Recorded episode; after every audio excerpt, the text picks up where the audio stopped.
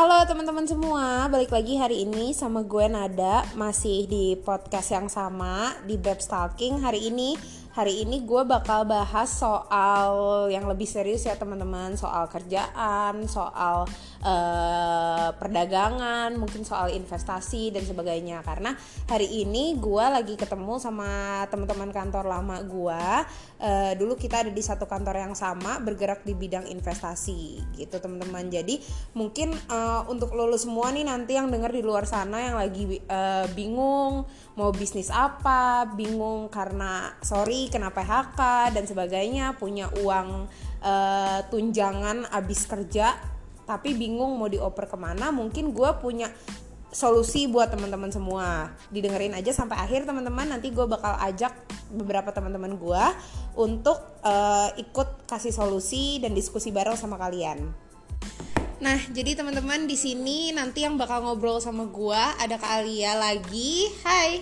Hai ada Katodo juga di sini. Halo. Ada Acil tapi Halo. dia katanya malu mau ngomong teman-teman. Malu-maluin sih. Malu-maluin sih lo sebenarnya lebih ke malu-maluin bukan malu. Jadi tadi uh, eh, gue tuh pengen pengen bahas uh, sorry banget mungkin orang-orang di luar sana banyak yang lagi di tengah-tengah pandemi gini kena PHK dapat uang pesangon bahasanya pesangon kan ya dapat uang pesangon tapi bingung mau dikemanain tau gak yeah. sekarang kayak kita sama-sama realize aja kalau di luar sana bisnis bisnis apa yang lagi jalan sekarang? Ya nggak sih? Uh, lu mau buka tempat kopi dibatesin jam lu buka. Ya nggak? Lu mau buka tempat uh, jualan baju dan sebagainya dan sebagainya. Pembelinya nggak ada karena orang-orang juga mungkin sorry dalam tanda kutip lagi save money. Lagi gua pakai uang gua ya untuk kebutuhan terpenting dalam arti makan. Ya nggak? Gua udah nggak bisa uh, belanja dan sebagainya dan sebagainya. Karena gue juga ngambil ngambil contoh dari keluarga gue sendiri. Keluarga gue kan dagang ya. Bokap yeah. gue dagang nyokap gue dagang gue pun dagang gitu punya bisnis. Dan itu bener-bener sedrop itu. Jadi gue bingung ketika gue punya uang harus gue lariin ke mana uang ini? Ngerti nggak? Susah sih ya lagi pandemi susah ya. karena lagi pandemi. Posisinya barang bergerak tuh nggak bisa nggak bisa laku secepat itu tau nggak? Jadi oh. jadi kalaupun gue punya uang ke mana uang gue harus lari gitu. Mungkin teman-teman gue ini kan backgroundnya semua sama-sama dari bidang investasi. Kita pun ada di kantor yang menaungi bidang investasi. Jadi mungkin punya jawaban nih buat lulus semua di luar sana mungkin yang bingung yang nggak ngerti sama kayak gue ke mana uang gue harus gue lariin. Punya solusi nggak lo on kira-kira ya menurut gue sih investasi emas ini kalau misalkan dalam corona kayak gini ya itu udah paling aman ya gak sih dek? Iya betul sih. Paling aman. Kenapa paling tuh aman lu tuh dalam segi... lu bisa berspekulasi kalau emas nih aman nih kira-kira karena apa? Kan karena orang di luar sana banyak yang nggak paham. Karena gini salah satu safe haven dunia yang nggak pernah mati itu apa? Emas dong. Betul. Saham-saham sekarang ibarat kata nih kita lagi misalkan suatu negara itu tiba-tiba lagi krisis. Resesi. Resesi. Uh -uh. terus ya apa kalau misalkan barang fisik yang nggak pernah mati yang nggak pernah ng ngalamin kerugian tuh ya salah satunya emas. Emas tuh abadi nggak akan nggak akan drop lah akan hmm. drop. Cuman uh, ada fluktuasi ya, ya ada fluktuasi emas itu naik turunnya. Jadi sebenarnya emas itu memang ya kalau kita ketahui kita misalnya masih awam di bisnis ini juga orang tua kita kita lihat aja. Mm-hmm. kalau punya duit dikit pasti ya udahlah beli emas. Beli, ya udahlah tapi kan emas. itu emasnya tuh emas fisik loh on. Paham nggak maksud gue emasnya itu kan orang-orang di luar sana mikir emasnya emas fisik emas batangan. Ketika lu nge-save emas batangan contoh satu gram ya nggak? Lu save satu gram nih sekarang lu beli di harga contoh 700 ribu. Ketika oh. nanti harga naik jadi satu juta lu berharap ngejual emas ini harga satu juta. Tapi kan orang-orang di luar sana menurut gue pemikirannya salah. Karena ketika lu beli emas itu 700 ribu lu beli ke pedagang emasnya 700 ribu. Ketika lu mau jual even di harga satu juta atau 1,5 pun harga emas lu tetap 700 ribu ya. tahu nggak kenapa karena kalau lu beli emas kayak cincin kecuali emas logam mulia ya emas batangan itu lu kena uh, namanya biaya rusak biaya, biaya lecet dia. dan sebagainya dan yeah. sebagainya itu yang bikin nilai harga lu tetap jadi sebenarnya kalau menurut gua lu beli emas gelang kalung sebanyak-banyaknya itu bukan investasi karena nilai Bukan harganya investasi, tetap iya tetap gitu dan kalau misalkan fisik tuh tiba-tiba kita misalkan eh, terjadinya apa tiba-tiba emasnya emasnya oh ini emas. apa emasnya menurun Ah. harganya. Jadi kita misalkan kita beli mahal terus dijual murah kan itu tetap nilainya on. Justru kalau lu bentuk fisik ya. Ini balik lagi ke yang awal gue bilang tadi. Sebenarnya orang-orang di luar sana menurut gue salah pengertian soal investasi emas. Banyak orang di luar sana salah pengertian lain cerita kalau lu investasi literally logam mulia yang langsung ya 10 gram batangannya misalnya ya. Batangan tuh satuannya apa ya? Gram atau apa? Gram kan tetap kan ya? Gram. misalkan lu beli sekian gram gitu emas batangan dan emas batangan itu emang lu simpen di antam misalnya. Ya. ketika lu jual harga emas naik oke emas lu ikut naik. Hmm. tapi kalau lu beli emas bentuk perhiasan judulnya sama emas tau nggak? Ya. tapi ketika lu beli harga 700.000 ribu lu jual pun harga 700.000 ribu. Gitu ngerti nggak sih? Iya iya iya. Plus Berarti nggak lu ada- kepotong berarti nggak biaya ada nggak ada untung itu bukan dong. investasi maksud iya iya. Eh, yang gue bilang itu sama aja kayak ya udah lu beli aset tetap. Tapi gini Nat, setahu aku nah, emas yang kita beli bentuk perhiasan Hmm. kayak orang tua kita apalagi orang-orang tua kita ya nggak usah jauh-jauh mindsetnya gitu ada uang ya udahlah beli kalung lah Nah, beli gelang lah nah. beli ini nah sebenarnya waktu waktu melakukan transaksi pembelian tersebut Hmm. itu ada dua tipe nah apakah dia akan nanti ketika kembali menjualnya dia di harga yang tetap Hmm. atau dia mengikuti fluktuasi harga yang sedang berjalan nah maksud Oh. ke sana maksud tuh itu ke sana. jadi sebenarnya ketika lo beli emasnya dalam bentuk dalam bentuk eh, cincin kalung atau apa pun itu itu sebenarnya termasuk investasi Hmm. tapi kekurangannya adalah ketika kita membeli perhiasan dalam bentuk seperti itu Hmm. ada nilai-nilai eh, yang akan dipotong nanti ketika kita dijualnya Hmm. nah tapi eh, ketika kita investasi emas itu bisa jadi itu bisa dipastikan untung kalau kita memang sabar menunggu jangka panjang. Karena seiring berjalannya waktu emas pasti naik. Pasti naik. Tapi dalam kepastian naiknya ini ada naik turun yang akan dilalui si emas betul. tadi. Nah, dan jangka panjang. Dan jangka panjang. Kalau emasnya itu bentuk fisik. Bentuk fisik. Contohnya gini eh, nyokap gua langsung lah ya kan? Dia punya cincin dan gelang beli satu paket di 10 tahun lalu. Ini benar-benar real baru kejadian ini. Dan mungkin dia gini nah kemarin sebulan lalu itu udahlah bentuknya juga udah lama nih. Iya. nah 10 tahun lalu itu dia belinya sekitar 5-6 juta. Nah kemarin dia jual di bulan lalu itu bisa 17 juta 800 betul. 10 tahun lalu beli berapa 5-6 juta sekitar 4 4 ke 5 4 ke 5 juta. Nah, Oh. tiba-tiba dia jual 10 12 tahun lalu lah ya. Aha. Nah, bos nyokap gue ini kayak udah bentuknya udah lama nih, Hmm. nggak bagus lagi, dijual aja. Nah, ketika dijual itu cincin dan gelang itu yang dibeli dari 4 5 juta, Hmm. itu naik harganya memang drastis banget ke hampir 15 jutaan. hmm. Cuman ya, menarik nunggunya itu ya, cuman Dek, ya. nunggunya sampai Nunggunya 12 tahun itu. sampai Iya, 12 makanya tahun. sebenarnya investasi emas itu investasi emas yang seperti Fisik, apa dulu. ya, betul. Nih, di sini makanya kita nanti sharing-sharing membuka Hmm. gimana sih investasi emas yang dimaksud sekarang ini. Gitu nah. ya makanya pertanyaan gue tuh lebih ke arah gini loh anak milenial sekarang kan pasti nggak kayak orang zaman dulu ya kalau Iya. beli emas maunya Ya emas dong, perhiasan dan ah, sebagainya ah. sekarang gue nunggu profit 7 juta aja di waktu 12 tahun paham nggak nah gue tuh banyak dengar selentingan kalau orang bilang lu tuh bisa main emas nggak berbentuk fisik tapi lu bisa dalam waktu satu hari atau tujuh hari lah ya kita nggak muluk-muluk misalkan tujuh hari lu dapet 7 juta Ya. enggak 12 tahun lu dapet 7 juta. Ya. nah itu yang mau gua tanyain itu kan sama bentuknya emas Iya. Walaupun kita sama-sama tahu kalau itu nggak ada bentuk fisiknya nah gue tuh lebih pengen tahu ke arah sana spesifiknya jadi investasinya tuh sebenarnya apa emas tapi apa Nah, inilah yang mau yang tadi yang mungkin ada bingung kan. Ah. Di sini kita akan bahas. Jadi investasi emas itu ya namanya investasi itu kan sebenarnya kalau kita Hmm. tahu ada tiga bagian, ada jangka panjang, menengah atau singkat. Singkat, Nah, kalau kalau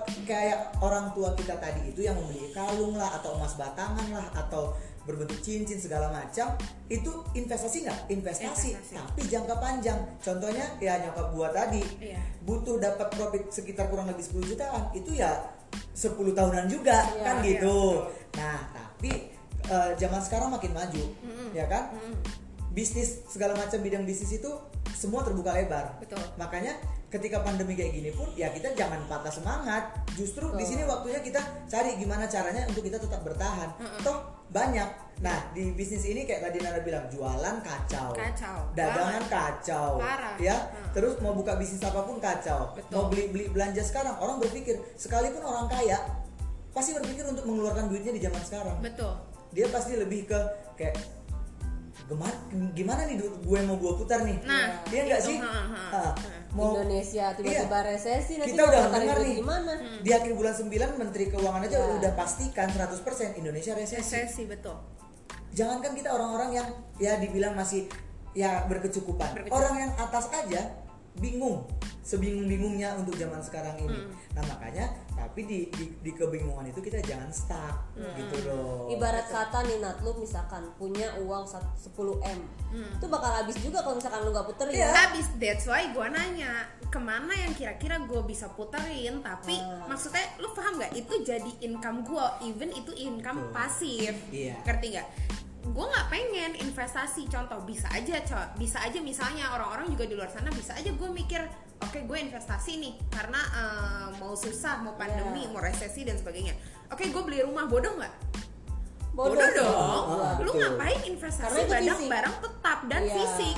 Nah gue tuh pengen ngebangkitin apa ya pemikiran, Pemikiran orang-orang ke arah ya. sana gitu loh lu jangan nggak percaya sama kalau kita perdangga, perdagangkan nilai virtual nggak ke sana poinnya karena menurut orang-orang awam di luar sana nilai virtual itu masih kayak ini bener nggak sih barangnya nggak ada Iya. nah orang-orang kita tuh masih, Masih stuck di tabu. pemikiran old yang Nah. kalau misalkan gue pegang bentuk fisik itu baru gue investasi itu Iya. yang memang Nah, paling aman gitu itu lah ya paling aman ini ya di sini apa namanya eh gini lah ya kalau misalkan Indonesia masih tabu pemikirannya masih tabu tapi kalau misalkan di luar negeri itu udah biasa aja main investasi emas Hmm. dalam bentuk eh, tidak fisik pun Iya. dia mereka nggak masalah karena kan emang di satu kota itu dinamakan Wall Street itu sepanjang jalan tuh tempat saham semua ya, ada ya, Hmm. tempat saham emas, investasi emas. Itu udah, udah udah udah hal yang biasa lah.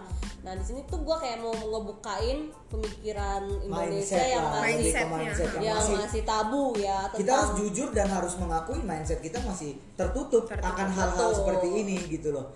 Itu dibuktikan bagaimana nggak usah lari-lari kita ke Wall Street yang ada di London di Amerika Iya. atau di segala macam kita lihat negara Singapura aja Hmm. di Singapura itu anak umur sekolah aja udah punya investasi Wow. meskipun nilai nominal yang kecil Hmm. ya meskipun masih nilai nominal kalau dirupiahkan ratusan ribu tapi apa bukan nilai nominal yang kita lihat Hmm. tapi mindset berpikirnya udah dibangun dari kecil oleh orang tuanya dan oleh negaranya bahwa bis, lo harus bisnis Iya, betul. lo kalau mau hidup makin Nggak lama bisa, iya. makin lama hidup dunia uang makin kejam betul jadi lo harus bangun dari sekarang. Nah, coba kalau kita bandingkan ke anak-anak yang seumuran di Singapura dengan anak-anak seumuran di Indonesia. Jangankan kita bandingkan yang kuliah dengan yang anak SMP di Singapura, ya. yang udah kerja yang pun udah kerja pun masih tertutup mindsetnya dengan yang namanya kita langsung bilang trading, ya. Iya, betul. Trading. Pernah nggak? Aku yakin yang yang aktif main Instagram, apalagi di umur-umuran kita sekarang ini yang aktif main Instagram, untuk di zaman sekarang, ketika lo susah hanya trading yang nggak terganggu. Iya betul. Tapi mungkin orang-orang di luar sana pendengar-pendengar ini nggak pada tahu kak trading itu apa. Kita lebih kasih tahu ke Eh. teman-teman semua spesifik aja ya. Jadi kita ini membahas lebih ke trading itu bentuk perdagangan berjangka dalam arti investasi teman-teman. Jadi eh, investasi yang bakal gue bahas ini bentuknya banyak nggak banyak. Kayak tadi beberapa udah kasih gue kasih contoh. Cuman gue nggak mau ngomongin investasi bentuk fisik.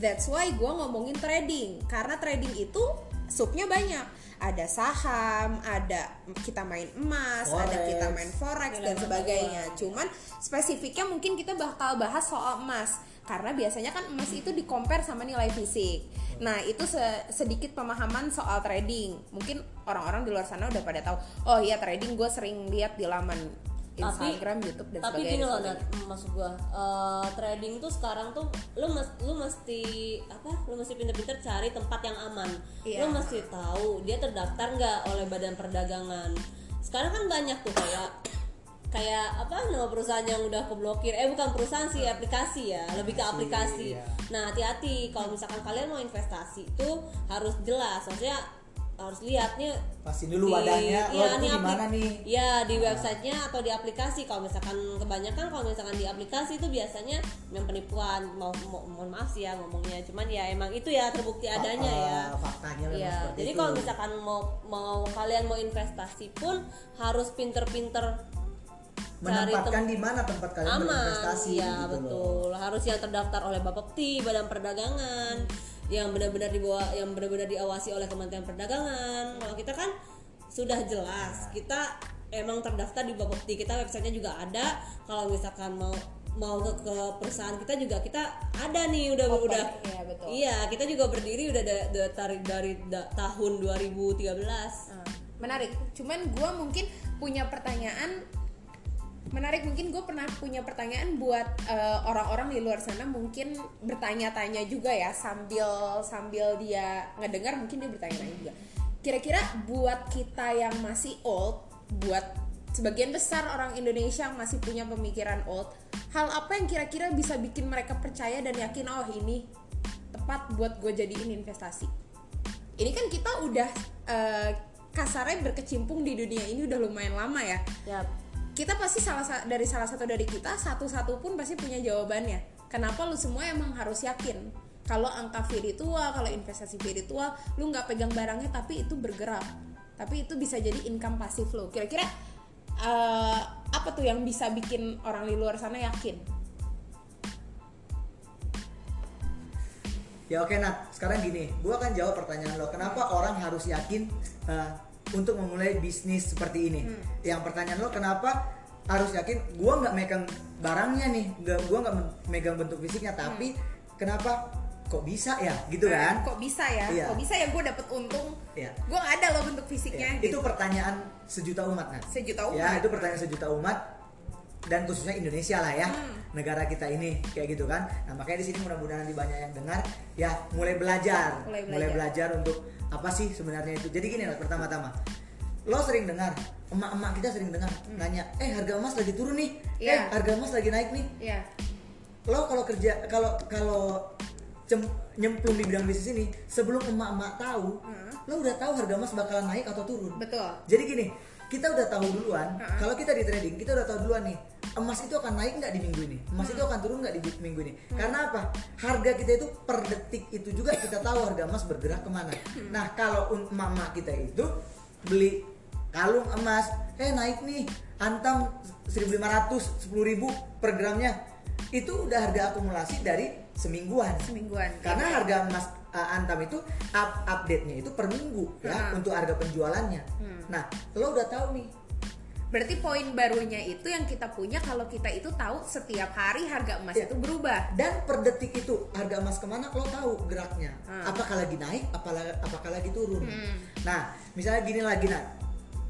Di sini juga deposit lo ya invest uang lo. Iya, betul. Sama tapi sama kayak m banking lah.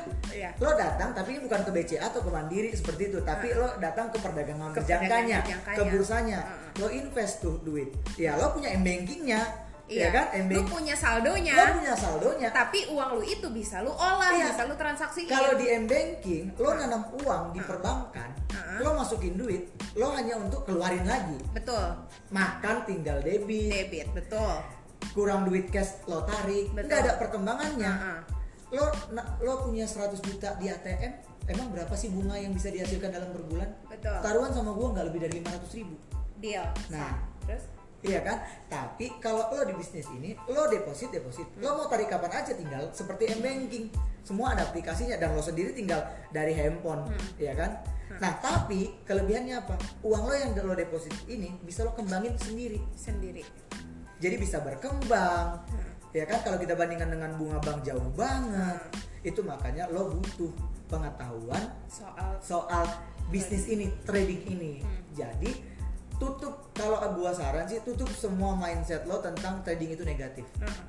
Memang betul sekarang ini bisa gue bilang 90% masyarakat Indonesia pasti kalau kita jumpain dan membahas trading pasti semua kata pertama yang kita hadapi adalah penipuan. penipuan Ya kan? gue punya jawaban konkret banget soal penipuan kalau menurut gue Iya. satu doang sih on kalau menurut gue satu doang kak apa coba kak Apa tuh? lu ada di tempat yang salah selesai karena Enggak, gini. menurut gue gini kita itu dinaungin sama satu tempat ya nggak kita Betul. kita punya satu kepala nih ya nggak kita dinaung Betul. cuman lu nggak bisa pungkiri kalau di bawah-bawah sana pasti ada oknum-oknum yang sengaja menyurangi lu betul Nah, jadi kalau menurut gue kuncinya buat lo semua itu ya udah lo cari tempat yang bener karena bidangnya ini baik, betul gak? Betul. Karena bidangnya ini baik dalam artian gue gue bisa kasih satu alasan. Mungkin sebelum Onti nanti kasih alasan gue bisa kasih satu alasan kenapa lo harus percaya sama trading. Logikanya gini aja teman-teman.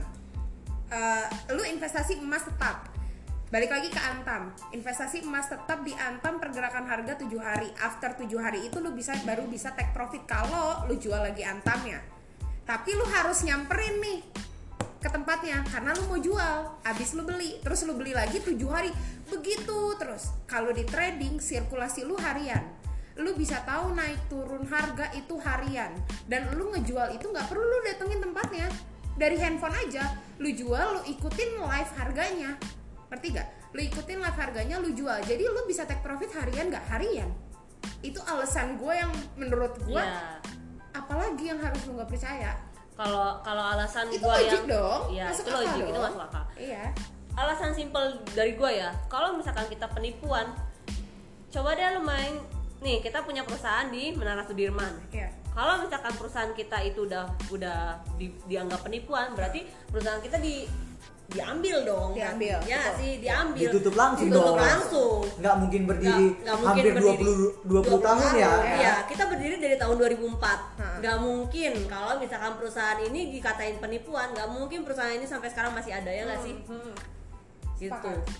Jadi lebih ke menurut gue lebih ke yang menaungi aja sih. Sebenarnya lu semua nih di luar sana lu mau main trading mudah banget. Lu download aplikasinya, lu mau main trading online, lu mau main trading yang gak dinaungi oleh tempat itu mudah banget. Cuman menurut gue gini, gue suka mikir bego banget orang yang mau main binomo. Ini sorry ya, gue sebut aja nih mereknya. Iya. Sorry ya, gue terang-terangan aja. Mungkin lu lu yang denger nih di luar sana pernah main ini binomo dan sebagainya dan sebagainya. Lu main lu nggak tahu perusahaannya ada di mana. Lu nggak tahu lu transfer ke mana. Paham gak lu? Ketika lu main diarahin ke pialang yang tepat, otomatis lu tahu kantor ini berdiri di mana. Berdiri berapa lama. Lu transfer ke segregate account rekeningnya kantor dan pribadi ada ini. masalah lo bisa datangin lo kantor. bisa datengin kantornya. Dan tempat ini tuh emang dinaungi oleh pemerintah. Pemerintah sengaja ngasih tempat Wadah. nih ngasih wadah nih. Oke ayo gua utus beberapa kantor nih. Oke jadi pialang untuk jadi wadah. Betul. karena apa? Karena ya kita mewadahi lu, lu semua. Lu, lu semua itu punya pengalaman jelek rugi dan sebagainya. Mungkin balik lagi gue bukan seuzon mungkin lu berada di tempat yang salah. Betul. dalam arti logika lu nggak lu pakai. Ketika lu join lu join tanpa lu tahu perusahaannya di mana lu nggak ngerti perhitungannya ke mana lu nggak ngerti kenapa lu hambi- harus ambil transaksi lo nggak punya yang paling fatal Nat, nggak punya bisnis plan yang jelas nggak punya bisnis Iya. plan yang jelas, lu nggak tahu perhitungannya ke mana, itu yang salah. Sebenarnya di- gini loh, Kalau kita ini kan, Kalau kita- kalau kita kan kita punya konsultan. konsultan. Iya nggak? Terus di mana kita itu bisa memanajemen resiko orang. Hmm. Jadi kalau misalkan kita emang ngatur sendiri lah, lu mau keuntungan berapa dengan kerugian di bawah Batas kerugian. berapa- Keuntungan dengan lu no limit. Ya. Tapi kerugian lu bisa lu batasin. Nah, pakai apa? Pakai planning. gua. Karena kita logika aja deh, nggak Hmm. mungkin kan kita punya bisnis itu tuh untung terus nggak mungkin, Hmm. itu nggak mungkin. Ada untung, tapi ketika misalkan tiba-tiba ada berita tentang ini tentang itu tentang, Tentang itu yang mempengaruhi mengaruhi harga emas itu kita bisa membatasi tingkat kerugian kita. Itu aja sih menurut gua Iya, makanya gue suka kadang-kadang gue punya jujur aja ya kak ya, gue punya beberapa temen yang tahu gue kerja di bidang ini terus dia bilang, "Eh, emang di tempat lu berapa gue harus masuk? Terus gue bilang kan sekian sekian sekian sekian. Oh gue udah pernah main eh, 5 juta contoh di tempat ini. Gue tanya sama dia, lu tahu kantornya di mana? Nggak tahu, gue main virtual online. Sekarang gini, lu main online, oke lu main robot misalnya ya. Lu tahu Robot lagi ya? Iya robot. Lu tahu analisanya ke mana? Nggak tahu lu paham nggak eh, technical fundamentalnya nggak tahu jadi ketika lu ngambil transaksi dan lu paham kalau oh oke gue bakal untung lu pede dari mana lu bisa pede? Gambling siapa yang meyakinkan lu? Judi dong jatuhnya. Judi jatuhnya. Siapa yang meyakinkan lu? Tapi kalau kita ini kan kita punya wadah kita punya penaung ya nggak? Ketika gue mau ngambil transaksi otomatis yang berperan sebagai konsultan ngasih tahu. Saya mau ngambil transaksi ini ini ini atas dasar perhitungan ini ini ini analisa sebagai sebagainya. Otomatis lu punya pegangan nggak? Punya pegang tugas bi- bisnis konsultan Iya itu nggak? untuk mengarahkan. Iya nggak? dia yang mesti update berita Iya dia yang nggak? mesti update harga hari ini mau ke mana? Betul. Itu Otomatis gue punya pegangan nggak? punya. Gue punya pegangan dong ketika gue pede itu untung. Karena apa? Karena konsultan gue tahu itu untung. Konsultan kenapa bisa pede itu untung? Karena ini dunia dia. Dia mantau harga dia mantau market dia baca berita satu kali 24 jam. Ya betul. Ngerti nggak? Jadi semuanya itu udah punya sub subnya sendiri. Ini lebih ke menurut gue mindset lu semua yang di luar sana itu yang harus dibangun ke arah sananya lu harus tanya bukan lu tanya sama orang yang nanti ketika lu uh, misalkan di luar sana udah gue berkali-kali nih ditemuin sama marketing untuk nawarin ini. Marketing itu di dalamnya ada lagi konsultannya. Marketing itu ketika nawarin satu produk sama lu bagus-bagusin produknya nggak pasti. Tapi kita juga pasti punya perhitungan sendiri ngerti nggak? Jadi Betul. ketika lu disamperin sama marketing lu jangan lempar pertanyaan oh ini penipuan. Lu tanya sama diri lu sendiri kenapa lu bisa ketipu.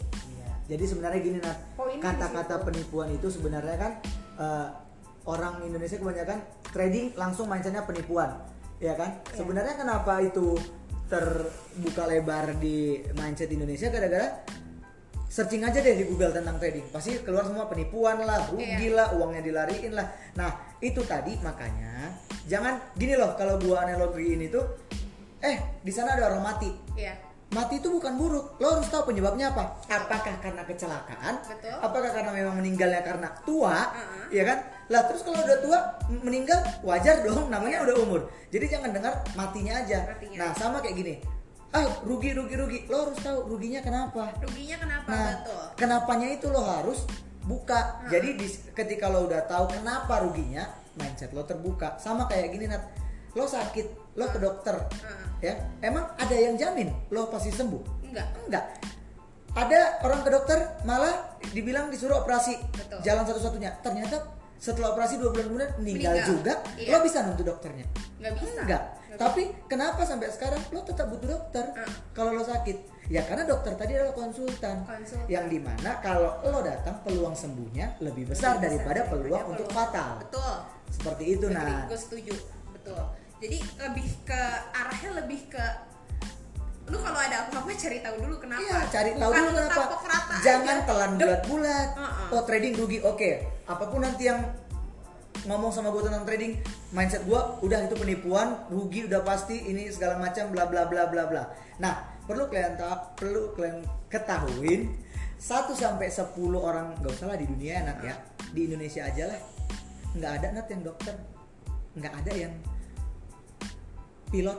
Ah. nggak ada yang DPR atau nggak ada yang jabatan-jabatan tinggi lainnya. Presiden aja nggak termasuk orang terkaya. Betul. coba searching siapa sih orang-orang terkaya. Nggak usah kita cerita dunia ya. Iya.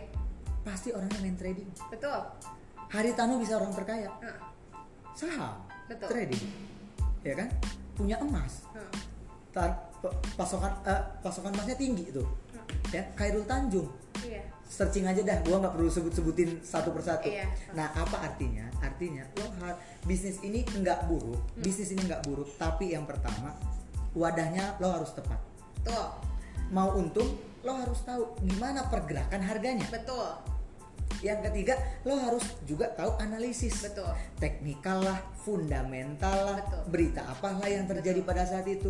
Nah untuk menjamin keuntungan itu lo harus tahu semua itu. Betul. jangan mendengar nanti ada tem- teman gue yang trading dia bilang untung nih segini Ah. segini tapi lo hanya dengar untungnya doang Betul. nggak bisa bro yang namanya bisnis lo jual kacang keledai aja lo harus tahu perhitungannya oh gue beli modalnya sepuluh ribu Betul. gue jual dua belas ribu Betul. baru lo bisa untung betul betul jangan lo jual kacang karena teman lo jual kacang untung lo jual kacang Iya. betul tapi lo nggak tahu iya harus di kayak lu tuh cari dulu cari juga soulnya diri lu tuh ke mana? Diri lu tuh di mana di mana bagiannya? Gue nggak bilang kayak lu main emas. Heeh. lu untung di emas. Terus gue harus main emas. Belum tentu tentu. gue di emas. Bisa jadi gue untung di forex. Betul. bener nggak? Jadi lu harus pahamin dulu dunianya lu pahamin sistemnya lu pahamin ke mana ke mana ini nanti bakal lu jual ke mana ini bakal lu beli dan lo harus punya bisnis plan. Harus punya planningnya. That's why gue bilang arahin ke tempat yang Iya. tepat. Karena ini teman-teman ini yang paling penting. Ini trading itu adalah bisnis. Lo harus tanamin itu yang pertama. Trading is bisnis Ya. Ya. bukan judi bukan gambling bukan tebak-tebakan. Mungkin suatu saat nanti lo punya teman yang main trading tebak-tebakan untung. Bisa jadi ada nggak orang seperti itu? Ada. Ada. tapi jamin taruhan sama gua kita lihat jangka panjang pasti hasilnya tetap rugi. Iya, karena apa? Tebak-tebakan. Dan ini bukan tebak-tebakan. Kalau tebak-tebakan lo jadikan ini judi. Judi, ini real 100% bisnis. Lo mau bi- sukses di bisnis lo harus punya perhitungan. Ada ruginya nggak? Ada. Ada. tapi Kita pahit-pahitan Iya, aja ya. ada rugi. Ruginya bisa nggak? Nanti di sini rugi Sinat bisa nggak di sini rugi si Alia gitu? Bisa. Tapi ketika lo rugi kalau lo punya bisnis plan yang matang dari lo sakit lo ke dokter jadi sembuh nggak? Iya, sembuh. sembuh, betul. gitu. Tapi kalau lo udah sakit lo makin telan tuh obat Hmm. supaya ah kalau makan obat ini sembuh nih. Hmm. mau lo telan obat apa pun kalau nggak ada dosis yang pas. pas lo makin bukan malah sembuh malah Betul. ya meninggal iya. Iya, Iya nggak sih? Malah mati kasarnya, Iya, itu iya, makanya jadi kalau namanya bisnis untung pasti nggak pasti untung. Pasti untung. Ada ruginya nggak? Pasti, Pasti ada ada kerugian. rugi, tapi kita persentase bisa- kerugian dan Betul. bisa antara kita handle. Ah, antara Bisa keuntungan dan kerugian itu pasti jauh lebih besar keuntungannya. Iya, balik lagi ke Gitu. karena ada planningnya. karena ada bisnis plan lo tahu gimana cara menghandle kerugian tadi Betul. lo udah punya batasan kerugiannya sampai seberapa persen. Jadi lo bisa eh, apa sih namanya recovery Hmm. dana kerugian lo tadi. Karena apa? Lo punya bisnis plan lo punya planning lo punya eh, analisis yang bagus untuk mengembalikan untuk membangkitkan oh gue udah rugi segini. Kenapa ya? Hmm. lo udah tahu jawaban kenapanya itu lo udah tahu gitu nah. Jadi lebih harus ke dipahamin dulu. betul. Apa pun nanti yang eh, lu semua di luar sana bakal jalanin, trading forex, eh, emas, semua bagus. saham dan sebagainya, stok semua bagus. Semua bagus. Tapi Tapi bisa jadi nggak bagus kalau lu nggak paham. Atau lu lo berada di berada di yang wadah yang nggak tepat gitu. Jadi kayak lu semua mungkin di luar sana mikir oh jadi marketing. Oke sekarang setelah gue ngomong kayak gini lu bilang oke berarti marketing ini wadah yang tepat atau mungkin ini bisa jadi jalan gue dan sebagainya. Nggak ke sana juga teman-teman maksudnya spekulasinya. Menurut gue lebih ke kayak gini lu bisnis nggak bisa jalan sendirian. Betul. Lu bisnis harus punya pendamping lu bisnis harus punya temen iya nggak lu mau buka jangankan buka uh, lu mau mulai untuk main trading jangankan itu ya. Lu mau buka toko baju aja kasarnya lu harus punya saingan nggak? Toko baju lain yang jadi compare lu harus punya pen- pen- pembeli nggak? Lu harus punya pembeli lu harus punya reseller nggak? Lu harus punya reseller. Jadi lu bisnis itu nggak akan pernah bisa sendirian. Itulah fungsinya konsultan. Kita di sini nggak kerja sayangnya kita nggak punya modal. Jadi kita ajak lu yang punya modal untuk berbisnis bareng kita. Karena kita punya apa? Kita punya otak dan punya planning yang mateng gitu. Jadi yang kita jual itu lebih ke planningnya. Kenapa gua ngajak lu asrakan bisnis untuk masuk ke company gue? Dalam arti investasi. Iya. lebih ke sana sebenarnya teman-teman arahnya. Nah sama pinter-pinter juga. Lu mau di handle sama orang yang sama orang yang tepat, tepat sama atau, tempat yang iya, tepat lebih gitu. pinter-pinter lah sekarang cari investasi menurut gitu gua ya. iya. Jadi lebih ke kalau gue sih nangkep poinnya lebih ke sekarang kita pemba eh, kita bangkitin dulu aja nih mindset kita. Jangan selalu negatif negatif gue kadang-kadang eh, suka sebel ya sama orang-orang di luar sana. Kebanyakan negatif lu tuh kebanyakan kebanyakan mikir oh ini negatif media ngangkat ini ngangkat itu Ya, ngangkat itu. langsung tangan bulat-bulat. nggak bisa gitu. Apa pun gue nggak ngomong soal trading doang soal penyakit soal orang mati kenapa soal korupsi dan sebagainya. Lu harus tahu kenapa masalahnya. Gitu. Jadi lu buat di orang lu lu pada nih di luar sana yang udah pernah rugi di tempat mana lu rugi lu balik lagi lu tanya kenapa dulu gue bisa rugi sharing deh sama kita deh yang pernah Iya. Ya. lu sharing, lu kenapa lu bisa rugi? Kalau lu jawab sama gua, gua nggak tahu nat kenapa gua bisa rugi. Gua nggak bisa salahin tempatnya. Yang gua salahin siapa? Elunya. Kenapa lu nggak ikut nyemplung juga? Itu bisnis lu. Iya. Bener nggak? Lu harus belajar apa pun yang lu pegang, apa pun yang nantinya jadi peruntungan lu, itu lu harus pahamin. Lu harus lu harus ngerti eh, apa yang lagi lu lakuin sekarang. Lebih ke kita lebih kebangun mindsetnya ke arah sana dulu, baru lu bisa memulai bisnis yang baru. Gitu. Gue nggak bilang trading ini positif semuanya enggak ada negatifnya cuman negatifnya itu kita bisa laluin sama-sama karena kita punya planningnya. Gitu. betul gitu aja kira-kira ya. Cocok gua. ya podcast kita hari ini. Tepuk tangan dulu ya uh, teman-teman ya tapi kalau nih kalau misalkan ada yang mau iseng-iseng langsung aja cek website kita ya Ya, sih? kalau eh, buat lu semua yang nanya kita dari perusahaan apa, eh, ini gua ngobrol sama teman-teman gua di bawah perusahaan PT Cyber Future, teman-teman. Eh, lu semua bisa eh, cari kita di Instagram @pt_cyberfuture. Nanti di sana eh, lu bisa dapet link kita, link resmi kita. Hati-hati banyak link kopinya nggak banyak. Nah, eh, kita itu punya perusahaan di Menara Sudirman, gedung Menara Sudirman di lantai 22. Berdiri dari tahun 2004. Lu bisa naik ke atas ke lantai Lantai 22, 22. lu tanya Hutodo Emson, Alia, Kotrunada, ada nggak di sana? Ada. Ada. Karena apa? Gue jelas.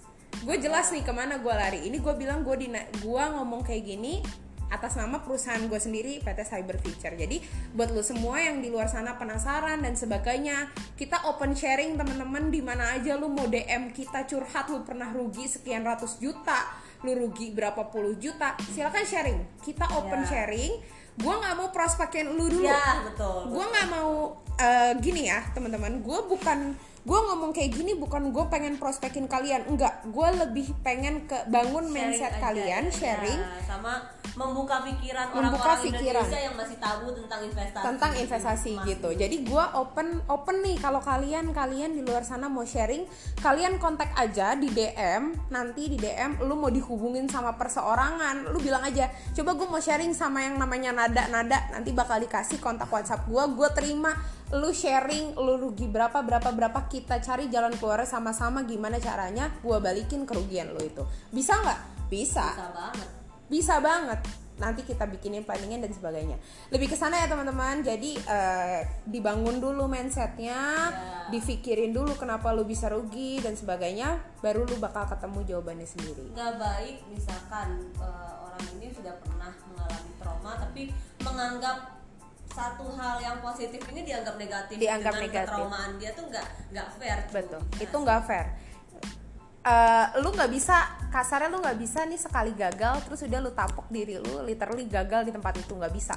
Lu bisa jadi sukses di tempat itu Ya. tapi belum waktunya. Sukses pun ada gagalnya sukses ya pun ada gagalnya. Ya. lu kira Hairil Tanjung langsung lahir-lahir brojol duitnya banyak. Enggak bos. Pernah jadi dulu tuh di jalan dan sebagainya baru dia berhasil. Kenapa? Karena gue percaya banget orang-orang sukses itu berdasarkan mindset yang selalu positif. Gue percaya banget orang sukses itu nggak nggak ada tuh dia pikiran negatif sama orang. Gue yakin Betul, banget. betul. lebih ke sana teman-teman poinnya ya. Jadi balik lagi kontak aja di Instagram kita. Nanti eh, di descriptionnya gue bakal kasih Instagram kita lengkap. Nanti di sana ada link bio di bio kita ada link yang bisa kalian pencet nanti kalian tahu tuh perusahaan berdiri dari tahun berapa. Di laman Instagram juga ada ya kita Ya. ada kalau kita legalitas semua eh, itu di bawah pemerintah. Ya teman-teman kita semua itu dinaungi oleh pemerintah resmi. Nah nanti di Instagram itu kalian semua bakal ketemu jawabnya. Dan kalau misalkan kalian mau sharing open di DM nanti di DM request aja minta sharingnya ditanggepin sama siapa ada Alia, ada Todo, ada gue, Nada di sini, ada Abdul Makfar juga kalian bisa sharing sama dia. Nanti tinggal DM aja. Gitu aja teman-teman podcast kita hari ini. Nanti kita bakal sering-sering bikin podcast lagi nanti ya. apa, kita kan juga ada tuh pembacaan berita setiap hari Ya, kita juga nanti eh, teman-teman di Instagram bakal ada eh, news setiap paginya. update news Update news. Update news ini berfungsi untuk apa? Itu untuk teman-teman nih yang butuh teknikalnya kenapa teman-teman harus ambil transaksi. Kalau teman-teman main forex, emas, saham dan sebagainya. Nah, kenapa gue bilang jelas banget ya itu? Karena kita tiap pagi, siang, sore, malam dibekelin sama news yang tepat, yang pas, yang berpengaruh sama harga bakal loncat ke mana. Ya on ya. Nah, teman-teman bisa cek aja nanti Instagramnya, diikutin juga live kita setiap hari. Jangan lupa podcastnya juga selalu didengar. Nanti gue bakal sering-sering bikin podcast sharing-sharing kayak gini minimal mindset kalian kebangun dulu teman-teman. Baru eh, kalian bisa nyemplung ke sini. Benar gak? betul segitu aja podcast gua hari ini makasih yang Thank udah you. denger Thank you, Nada. diikutin Instagram kita jangan lupa dengerin juga podcast podcast lainnya makasih semua Bye. bye Bye.